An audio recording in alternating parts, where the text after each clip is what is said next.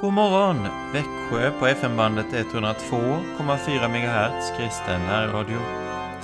Jag heter Joakim Brandt Erlandsson och jag är präst i Helga Trefaldighets församling i Alvesta och Sankt Andreas Lutherska församling i Emmaboda. Vi lyssnar till Ej silver, ej guld.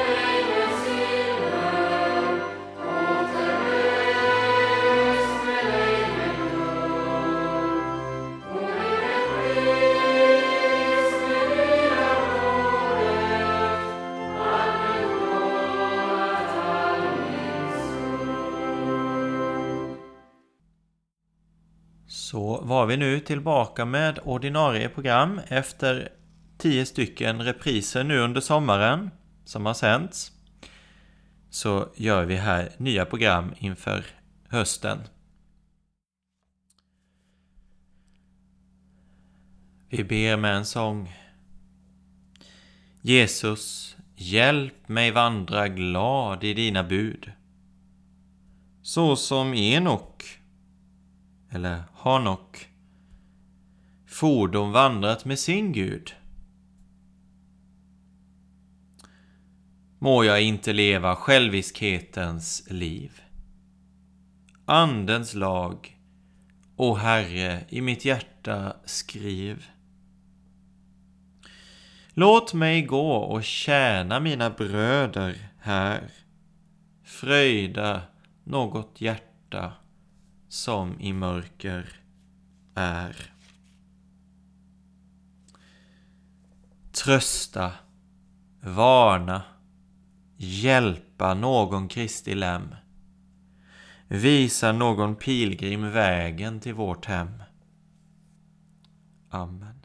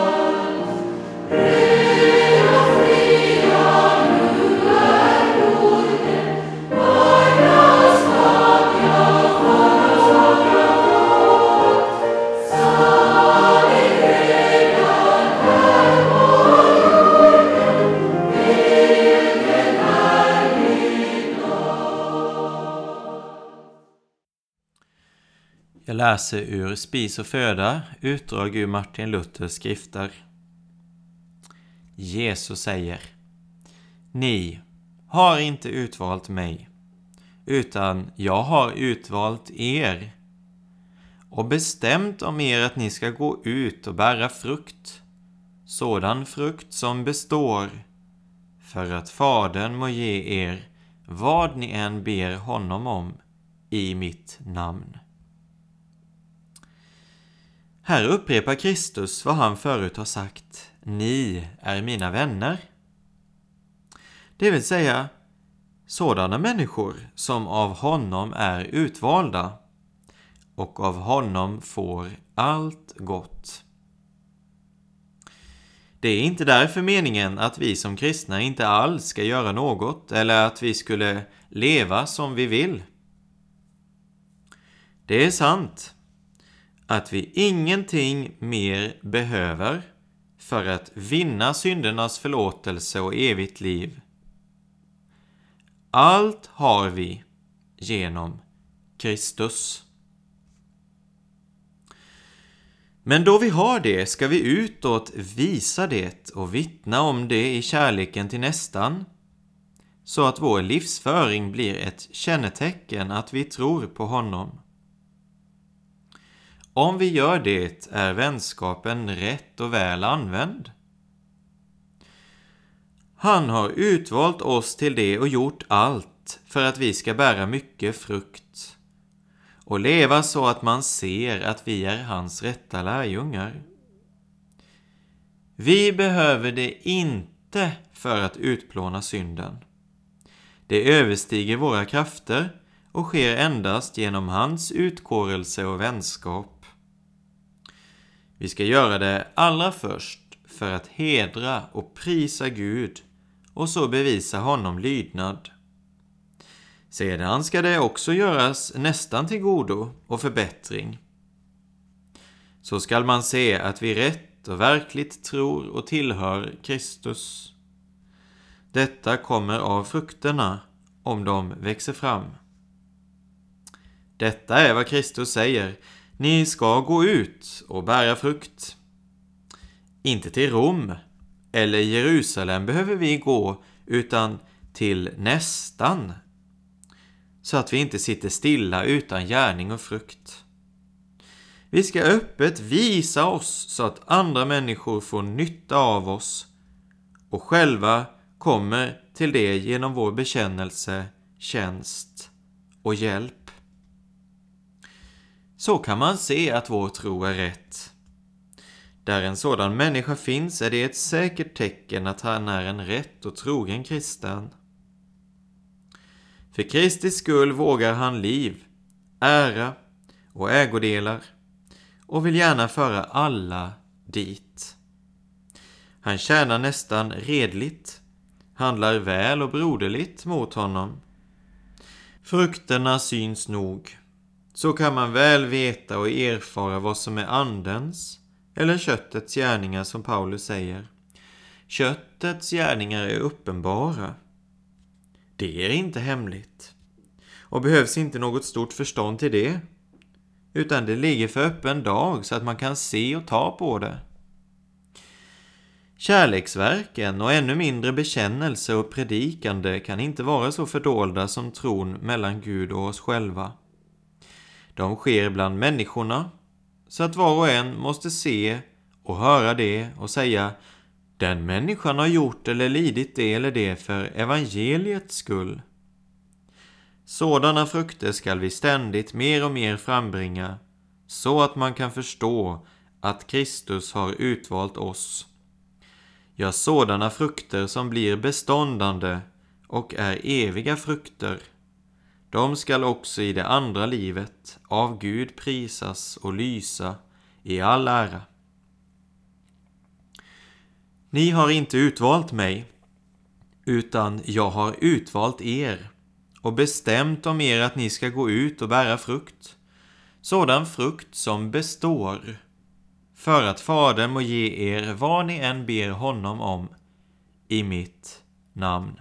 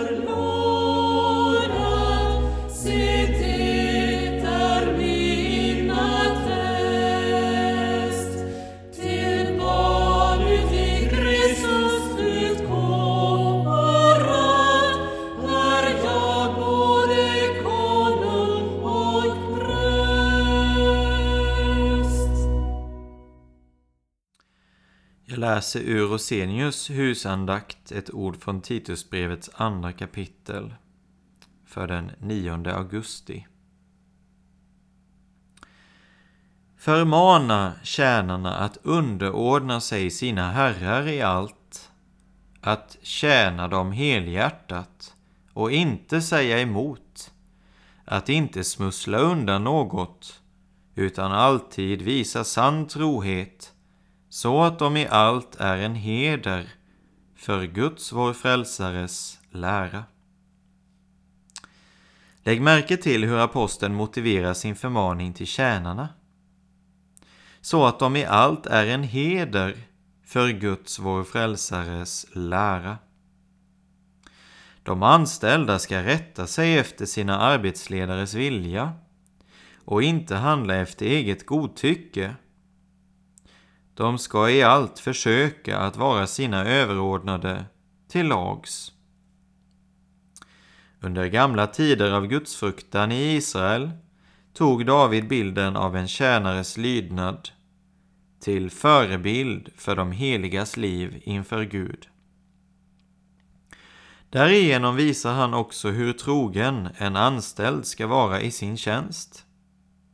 Han säger så underbart i Saltaren 123 som tjänarnas ögon ser till sin herres hand som tjänarinnans ögon ser till sin husfrus hand, så ser våra ögon till Herren, vår Gud. I Kolosserbrevet 3 säger aposteln att denna lydnad bör ske av uppriktigt hjärta i vördnad för Herren. Antingen någon ser på eller inte. Han säger, ni tjänare, Lyd era jordiska herrar i allt, inte som inställsamma ögontjänare, utan med uppriktigt hjärta i vördnad för Herren. Vad ni än gör, gör det av hjärtat som för Herren och inte för människor. Att vara ögontjänare är att under överinseende verka arbetsam trogen och omsorgsfull. Men annars vara försumlig, opolitlig och vårdslös. Det är hyckleri och förakt för Guds närvaro och Herren själv måste straffa detta. Tjäna därför Herren med uppriktigt hjärta i vördnad och lydnad. Han ser dina gärningar. Han hör ditt tal och ska belöna dig efter dina gärningar. Aposteln tillägger, vad ni än gör, gör det av hjärtat som för Herren och inte för människor. Vi ska inte inbilla oss att vi tjänar Herren när vi inte gör det. När vi tjänar under våra förmän och överordnade, så är det Herren själv vi tjänar på hans befallning. Ni vet att det är av Herren ni ska få arvet som lön. Det är Herren Kristus ni tjänar. Kolosserbrevet 3. Det är Herren Kristus ni tjänar. Här är grunden till både arbetsglädje och arbetsplikt. Tänk om vi fick upp ögonen för detta. Det ligger en slöja för våra ögon när det gäller att se Herrens ord och hans vägar.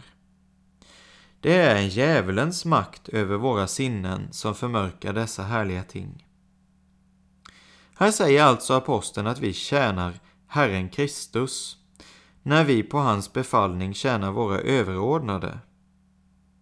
Med våra enkla sysslor i hemmet tjänar vi alltså Herren. Vem kan fatta det? Dumheter, säger du. Tjäna Herren? Nej. En enkel bonde, en elak husmor, en besvärlig förman, ja, kor, får och hästar, eller bara en maskin kan jag tjäna, men inte Herren. Att bara tjäna en ängel hade varit allt för stort. Inte kan jag begära att få tjäna Herren Kristus Men stopp nu, min anspråkslöse tjänare. Du säger att du tjänar kor, hästar och får. Ja, det är sant. På vems uppdrag? Är det inte din husbonde eller din förman du tjänar när du tar hand om hans boskap eller sköter hans maskin? Att fullgöra någons uppdrag är detsamma som att tjäna honom. Då frågar jag, vem har befallt dig att tjäna och lyda din föreståndare, husmor eller din förman? Ingen mindre än Herren i himlen. Du är då i hans tjänst, det är han som befallt dig att tjäna. Förmana tjänarna att underordna sig sina herrar i allt, att tjäna dem helhjärtat och inte säga emot, att inte smussla undan något utan alltid visa sann trohet, så att de i allt är en heder för Guds, vår frälsares, lära. Och kände du Guds kärlek blott, hur högt han älskar dig? Och faran som dig hotar på dödens mörka steg, då kunde du ej längre i synden stanna kvar men vände om till honom som är din Gud och far. Om några dagar eller år är du ej mera här. Se, evigheten kommer, men nådens tid nu är. Kom nu, ty allt är redo, så blir i himlen fröjd. Du skall få se, du blir med barnaskapet nöjd.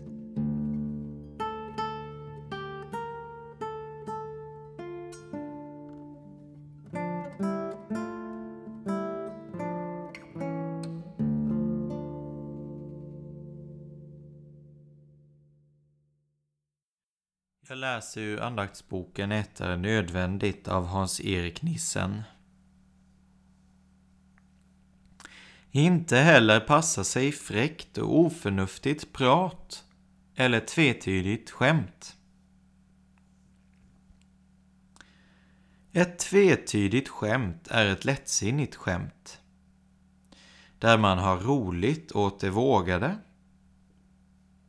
Man säger med ord eller gör på lek sådant som man absolut skulle ta avstånd ifrån i det verkliga livet.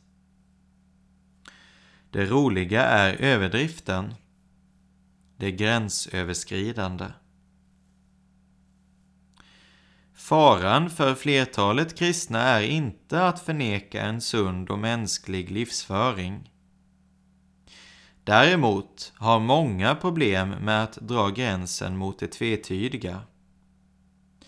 De är påverkade av all den underhållning de ser. De är under starkt inflytande av världens ande, tanke och levnadssätt. Hur ska man hitta en balans mellan en livsförnekande hållning och en anpassning till denna värld? Det viktigaste är att du talar med Jesus om det. Där du inte kan leva ett liv i Jesu namn, där ska du inte längre vara med. Om du inte säger nej, tar du skada till din själ. Många kristna handlar här mot sitt samvete. De är med i sammanhang där de genom sina sinnen släpper in sådant i själen som de senare känner sig dömda för i samvetet. Det är farligt. Det som du tillåter andra att så i ditt sinne kommer du själv att få skörda. Genom tvetydiga skämt förlorar synden sitt allvar Ofta är det just synden man skrattar åt. Därifrån är vägen inte lång till ett lättsinnigt förhållande till synden. Det blir inte längre livsfarligt att synda. Synden sås som ett litet frö och det kan ta år innan den blir fullmogen och avlar död. Den är oerhört grobar och livskraftig. Många har på detta sätt hamnat i synd och elände. När de ser tillbaka kan de upptäcka ett samband med något som de ansåg förhållandevis oskyldigt. För sent upptäckte de syndens rätta ansikte. Lättsinnigt skämt passar sig inte. Handlar du inte rätt lurar synden vid dörren. Den har begär till dig, men du skall råda över den. Du måste avsäga dig djävulen, alla hans gärningar och hela hans väsende. Det innebär kamp att göra det, men det är livets strid och den måste du kämpa. Inte heller passa sig fräckt och oförnuftigt prat eller tvetydigt skämt.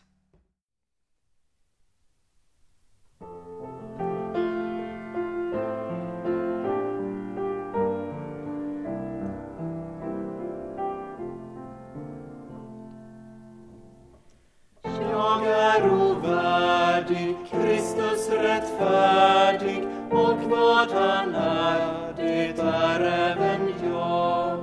Ty det jag borde, han själv fullgjorde, jag är ej mera under Guds lag. Han tog på sig min skuld och min brist, och det som togs från mig har jag mist.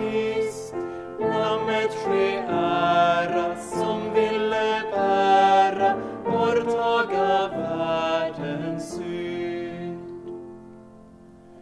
Att oss utsvala fick han betala, Gud ingen fordran numera har. Har Kristus vunnit, då har han funnit evig förlossning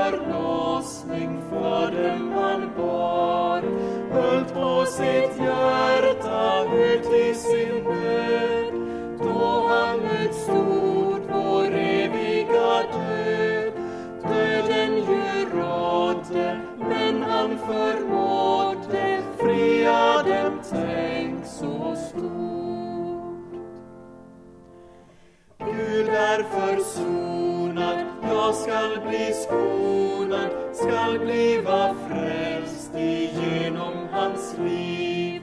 Hur jag än sållas skall jag behållas, Herre min otros dimma fördriv. Herrens elända, du skall bli frälst, det må nu vara ur som helst. Jesus själv hjälper frestade.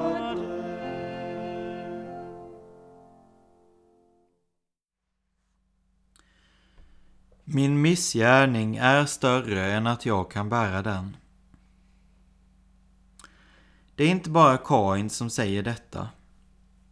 Var och en som har fått klarhet över sin skuld måste säga detsamma. Min missgärning är större än att jag kan bära den. Ja, vem kan väl bära sin synd? Ingen börda i världen kan pressa en människa så som ångern och grämelsen över hennes synd.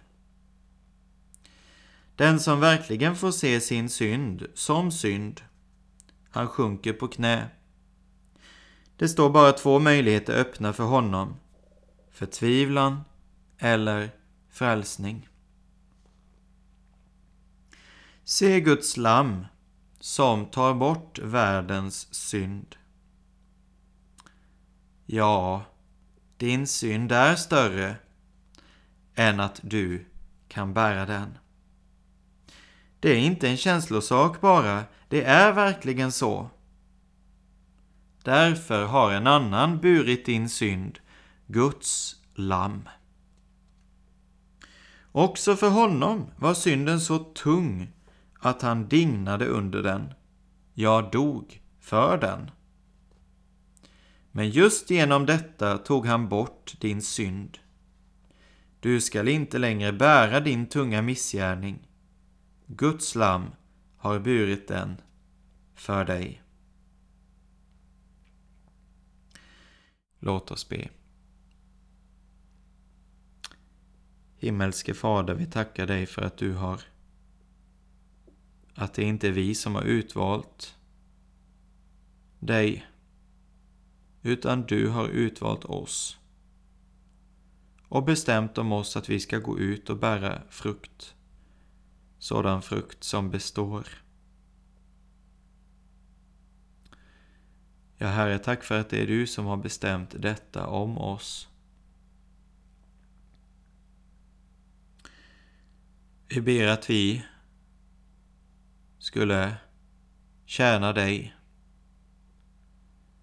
Inte som ögontjänare utan att vi står inför ditt ansikte i det vi gör.